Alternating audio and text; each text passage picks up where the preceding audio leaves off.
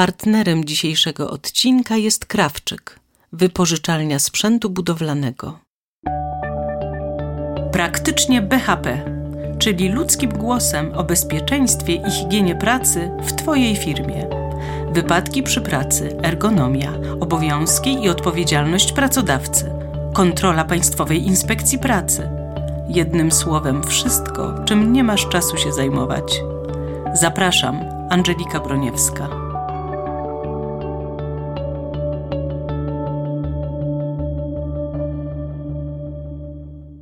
Dzień dobry Państwu, dzień dobry Panu. Naszym ekspertem jest dzisiaj Pan Michał Król, główny specjalista do spraw BHP. Dzień dobry. Transport materiałów na budowie niejedno ma imię. To jest transport przęsła mostu, to jest transport e, tony e, materiału i to jest transport drobnych narzędzi, ale na przykład na szóste piętro. Bez windy i bez schodów. E, czy transport materiałów na budowie jest niebezpieczny? Tak, oczywiście jest niebezpieczny, stwarza zawsze zagrożenie wypadku y, poprzez na przykład y, spadające przedmioty, y, odczepienie się ładunku, wysypanie się tego ładunku, awarię sprzętu, którym jest transportowany, jak i również bardzo często też na budowie są transportowani ludzie, którzy pracują na wysokości. W związku z tym i również zagrożenie dla tych ludzi w związku z upadkiem z wysokości. Zacznijmy może od transportu pionowo-poziomego. Odbywa się on przy pomocy takich urządzeń jak na przykład żurawie. Jakie są uprawnienia do pracy na żurawiu? Jeżeli chodzi o pracę żurawi, no to to już jest specyficzne, konkretne rozwiązanie technologiczne, czyli żurawie wieżowe i szybko montujące. I tutaj jest stosowne rozporządzenie, E, z 2018 roku właśnie w sprawie żurawi e, wieżowych i szybko montujących.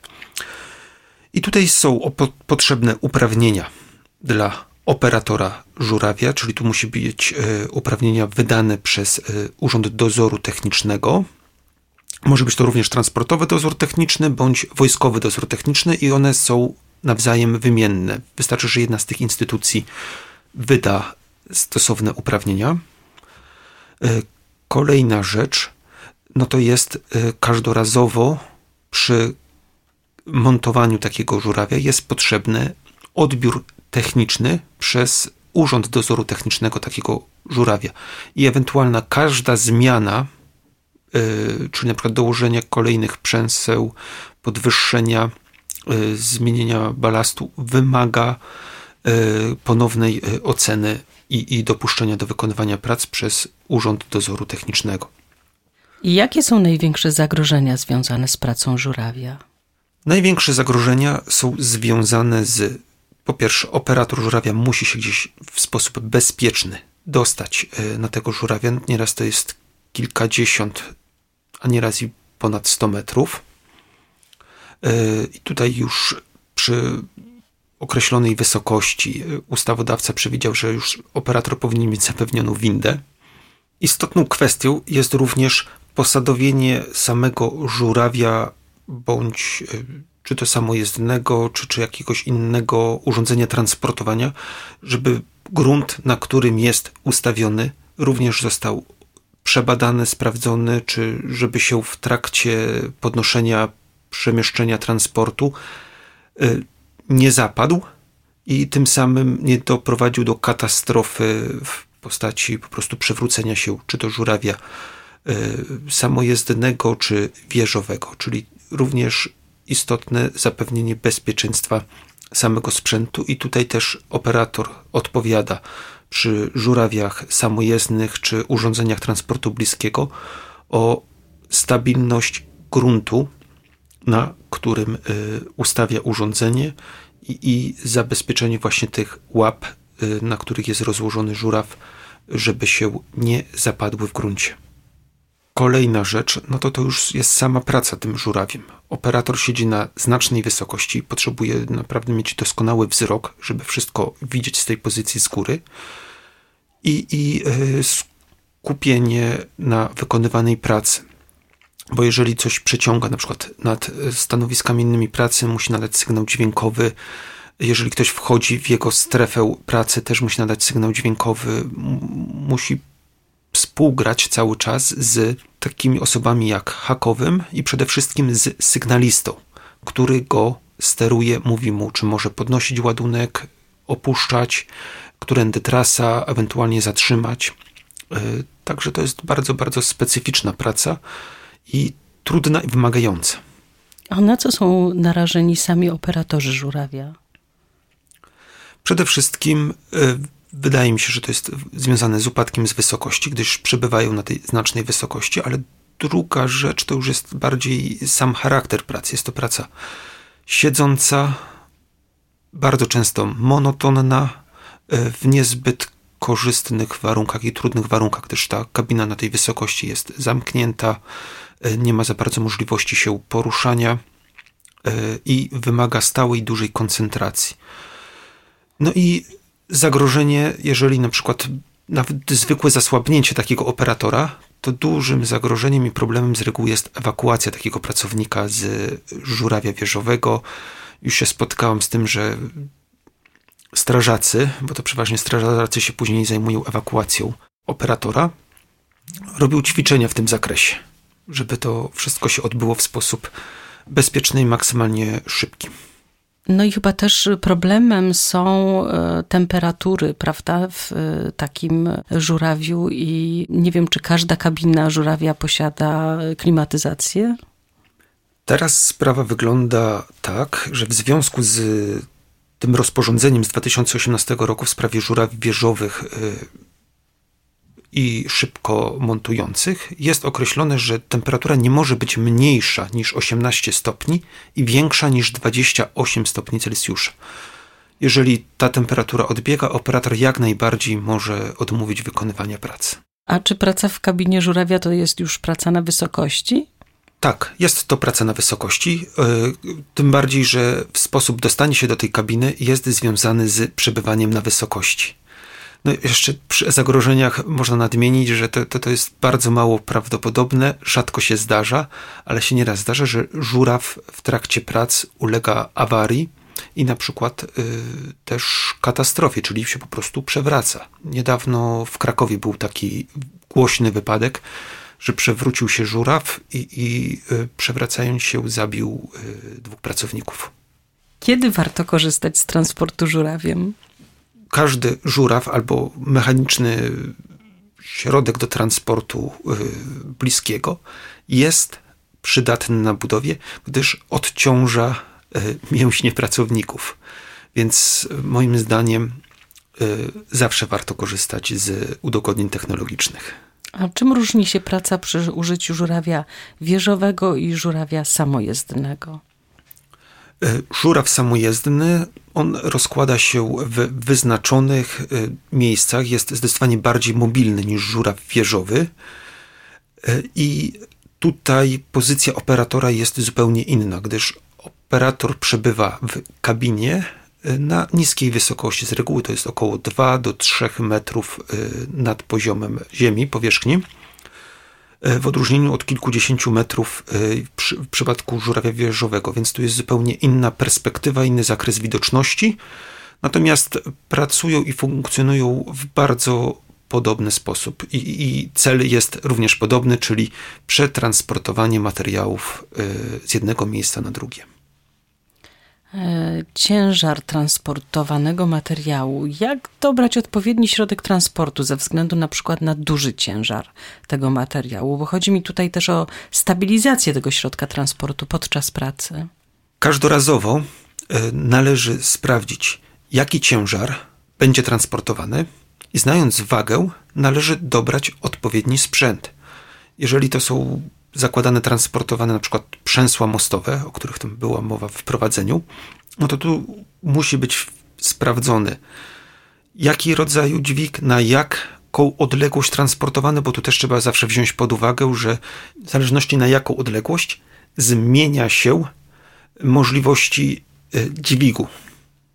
Czyli im dalej sięga, tym y, może mniej dźwigać. Więc tutaj dobranie odpowiedniego sprzętu, który, który ma transportować materiał, jest kluczowe. Ale jeszcze mocowanie, dobre mocowanie to podstawa bezpieczeństwa prac transportowych. Z jakich zawiesi, lin, pasów można korzystać podczas transportu i od czego zależy ich wybór? Zawsze jest to indywidualny wybór w związku z tym, co mamy przetransportować.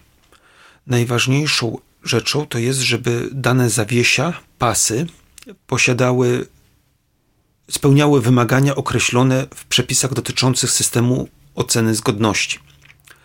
Na zawiesiu należy umieścić również napis określający jego dopuszczalne obciążenie robocze oraz termin ostatniego i następnego badania.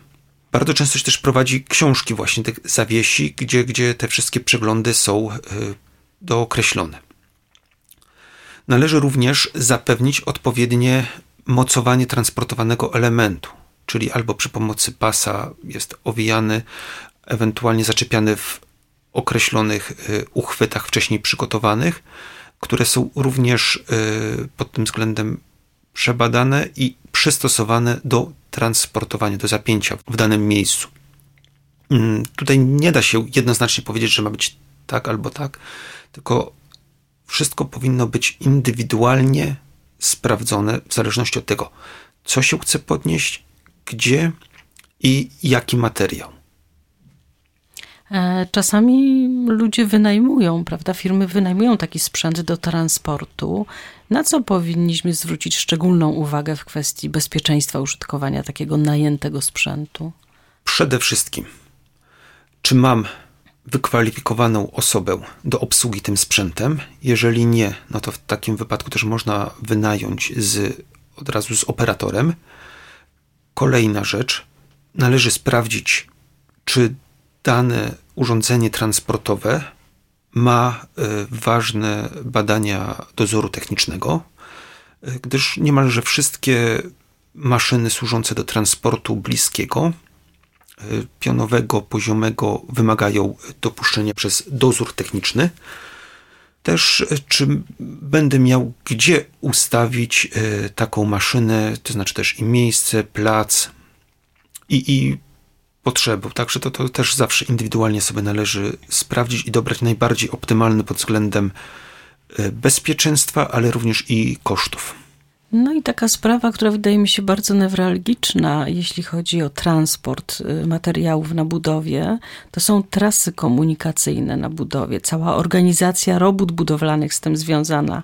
Na co trzeba zwrócić szczególną uwagę? Ja sobie zdaję sprawę z tego, że to jest y, temat na osobny podcast, przynajmniej jeden, ale spróbujmy w skrócie omówić te najważniejsze kwestie związane z transportem. Przede wszystkim należy oznakować strefę pracy danej maszyny. Czyli jeżeli mamy żuraw wieżowy, umieścić tabliczki na określonym zasięgu, gdzie, gdzie pracuje, że uwaga, strefa pracy żurawia. Podobnie i przy innego rodzaju y, sprzętach służących do transportu. Kolejna rzecz, odseparowanie prac transportowych od y, ciągów y, pieszych, komunikacyjnych, drogowych. To znaczy, że osoby postronne nie mają wstępu w strefę pracy Y, żurawia. Kolejna rzecz, poinstruowanie i pouczenie pracowników o tym, że w strefę pracy mogą wchodzić tylko i wyłącznie osoby do tego upoważnione, czyli na przykład hakowi, którzy zapinają dany ładunek, ewentualnie odpinają, albo sygnaliści, którzy tutaj dbają o, o e, bezpieczny cały proces właśnie e, transportu materiałów. I taka kluczowa rzecz, jeżeli chodzi o prace transportowe. Tak, żeby nigdy żaden człowiek nie znalazł się pod zawieszonym ładunkiem na każdym etapie transportu. A jak prawidłowo składować te materiały transportowane na budowę? Prawidłowo, no to to również w sposób bezpieczny, czyli trzeba wiedzieć, gdzie się chce odłożyć. Jeżeli kładziemy Czyli powinno gdzieś... to być zaplanowane po prostu, tak, tak jak mówiłam w tym planie prac, robót budowlanych. Mhm. Dokładnie, to wszystko musi być zaplanowane i przewidziane. To znaczy, jeżeli mam to zeskładować na placu, no to tutaj y, należy pamiętać, żeby to nie było w strefie na przykład sieci linii elektroenergetycznych. Tam w rozporządzeniu jest określone, jakie odległości od poszczególnych rodzajów linii elektroenergetycznych, żeby ten ładunek był zabezpieczony w taki sposób, żeby się samoczynnie nie przewrócił, to znaczy nie układamy, nie wiem, 10 y, palet jedna na drugą y, z kostką brukową, bo w końcu to po prostu poleci i może przygnieść pracowników. To wszystko musi być zabezpieczone. Jeżeli to się odkłada na stropy poszczególnych y, pięter budynku, no to też musi być określona nośność tych stropów i nie można przeciążyć tych stropów y, poprzez nadmierne składowanie y, ciężkich materiałów. Martwe pola. Mówi się o takich martwych polach, kiedy się prowadzi samochód, ale one też dotyczą, z tego co wiem, właśnie tych maszyn transportowych. Kto powinien znać obszar martwych pól na placu budowy? Przy okazji transportu, o którym teraz mówimy, no to operator, no bo operator widzi albo nie widzi, i druga osoba, która uczestniczy w tym procesie transportu, yy, która w równym stopniu za to wszystko odpowiada, to jest sygnalista. I w przypadku żurawi wieżowych i szybko montujących, to tutaj z operatorem musi mieć kontakt radiowy, natomiast w przypadku transportu innymi środkami do, służącymi do przenoszenia materiałów, yy, określa rozporządzenie ministra pracy i polityki socjalnej z dnia 26 września 1997 roku w sprawie ogólnych przepisów bezpieczeństwa i higieny pracy. No i tam jest określone, że y, mogą być również podawane sygnały ręczne. W każdym razie tu chodzi o to współdziałanie. Jeżeli operator nie widzi, to sygnalista musi widzieć. Zresztą to jest taki wymóg, że, że sygnalista na każdym etapie transportu musi e, widzieć zawieszony ładunek i widzieć trasę jego przebiegu, żeby to przebiegało wszystko w sposób bezpieczny, nie nad głowami ludzi. W tym rozporządzeniu z 1997 roku jest dopuszczone, że jak jeden sygnalista nie widzi, no to się wyznacza na dalszy etap transportu drugiego sygnalistę, co nie jest już dopuszczalne w tym rozporządzeniu w sprawie żurawi wieżowych i szybko montujących. Czyli wszystko zależy od konkretnej sytuacji i trzeba ją przeanalizować, zanim się zorganizuje prawidłowo tą pracę transportową na, na budowie. E, a czy koparką na łyżce można transportować materiał? Oczywiście. Transportowany materiał to jest na przykład piasek, żwir bądź inne materiały sypkie służące właśnie do przekładania i to, to, to jest również praca transportowa. Przy okazji koparki jeszcze warto nadmienić, że ma również dopuszczalny udźwig przy konkretnym ułożeniu ramienia i również y, jest domontowany hak, y, do którego można zapinać różnego rodzaju zawiesia, pasy i przy pomocy koparki również jest dopuszczalny y, transport pionowy czy poziomy materiałów na budowie. Czy wyznaczanie strefy niebezpiecznej jest rozwiązaniem dla transportu materiałów na budowie? wystarczającym, żeby to bezpieczeństwo zapewnić? Przy transporcie materiałów wyznaczanie strefy jest konieczne. Oprócz tego jest stałe przeglądanie właśnie pola transportu przez operatora, jeżeli jest taka możliwość, i sygnalisty. No, co jeszcze pomaga w mechanicznym transporcie na budowie? Czy są jakieś inne maszyny? E, jakie są wymagania wobec nich? Jeżeli chodzi o inne maszyny, to są również wciągarki mechaniczne, suwnice, urządzenia służące do transportu również takiego bliskiego jak wózki widłowe czy wózki podnośnikowe ze zmiennym wysięgiem. Y, one są bardzo popularne na budowach.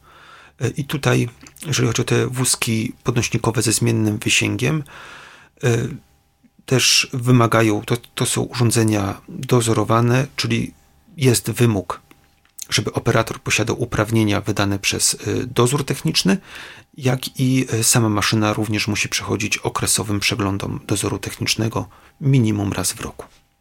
A jak wygląda kwestia ergonomii? No bo na budowie są transportowane znaczne ilości materiałów, ale potem na koniec często te materiały są w ramach ręcznych prac transportowych przenoszone na konkretne stanowiska pracy.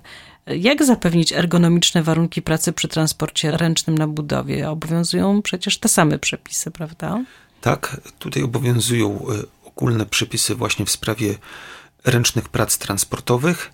Na budowie to jest bardzo trudno z tego względu, że mm, jest z, z reguły różnica poziomów, y, jakieś śliskie, nierówne powierzchnie, więc tutaj, jeżeli jest planowane ręczne prace transportowe, no to trzeba tutaj zapewnić bezpieczne te ciągi komunikacyjne, gdzie pracownicy się przemieszczają, ale mając do pomocy urządzenia transportu bliskiego, to to bardzo ułatwia y, pracę tym robotnikom na budowie, y, odciążając właśnie bardzo mocno ich pracę. Bardziej szczegółowo o ręcznych pracach transportowych rozmawiałam z panem Pawłem Furlagą. Zapraszam państwa do naszego poprzedniego podcastu. Natomiast największym problemem przy ręcznych pracach transportowych na budowie wydaje mi się oprócz ciężaru, kształtu oraz wielkości transportowanych materiałów podłoże, po jakim się porusza pracownik. Jak sobie radzić z tym problemem? Raz, zapewnienie odpowiedniego obuwia dla pracowników. To jest bardzo istotne, żeby było nieśliskie. Następnie przygotowanie tych ciągów, jeżeli mają chodzić i, i przenosić ręcznie dany materiał, żeby usunąć z tych ciągów zbędne przedmioty, nie zostawiać tam narzędzi y, i, i maksymalnie, żeby były równe i nieśliskie. Czyli w, w okresie zimowym, żeby były podsypane, odśnieżone. Jakoś się utwardza to, no bo to są ciężkie rzeczy, ci ludzie to przenoszą z miejsca na miejsce, jakoś się utwardza te ciągi komunikacyjne?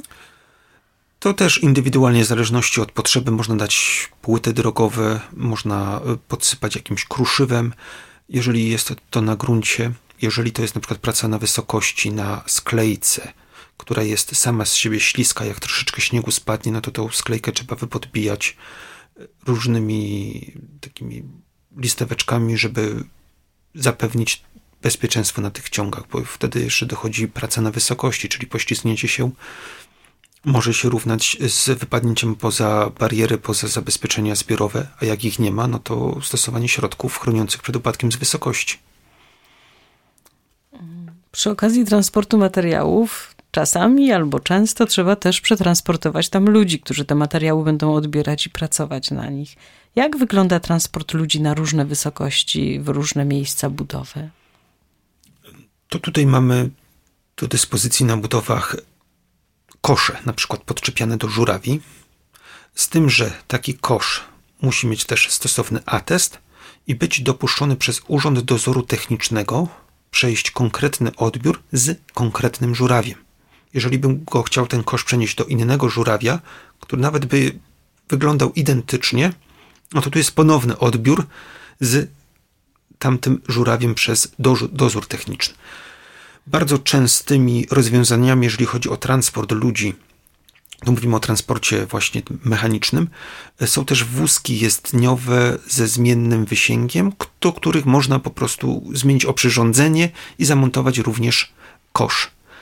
I wytransportować, ewentualnie wykonują pracę na wysokości z tego kosza, jak i również e, ruchome podesty robocze. E, I tutaj tak samo dozór techniczny, zarówno sprzętu, jak i operatora. Raz e, się spotkałem z taką sytuacją, że jeden z wykonawców na budowie miał przystosowaną koparkę, normalną kołową albo dwudrożną, czyli również do jeżdżenia po, po e, obszarze kolejowym, z podczepionym koszem do pracy ludzi pokazywał deklarację zgodności, dopuszczenia również przez producenta, ale tutaj trzeba to jasno podkreślić, to nie jest dopuszczone, gdyż przy wszelkich pracach transportu, zwłaszcza ludzi, jest wymóg odbioru y, przez dozór techniczny. Także tutaj niestety, ale musiałem wstrzymać pracę tego rozwiązania ze względów braku odbioru z dozoru technicznego. No, który jest najważniejszym dokumentem jednak. Tak, tak. No nawet i każda winda czy schody ruchome w galeriach mają przeglądy i, i dopuszczenie przez dozór techniczny. Może opowiedzieć nam Pan o takim wypadku, z jakim się Pan zetknął lub o jakim Pan słyszał, związanym z takim transportem materiałów na budowie?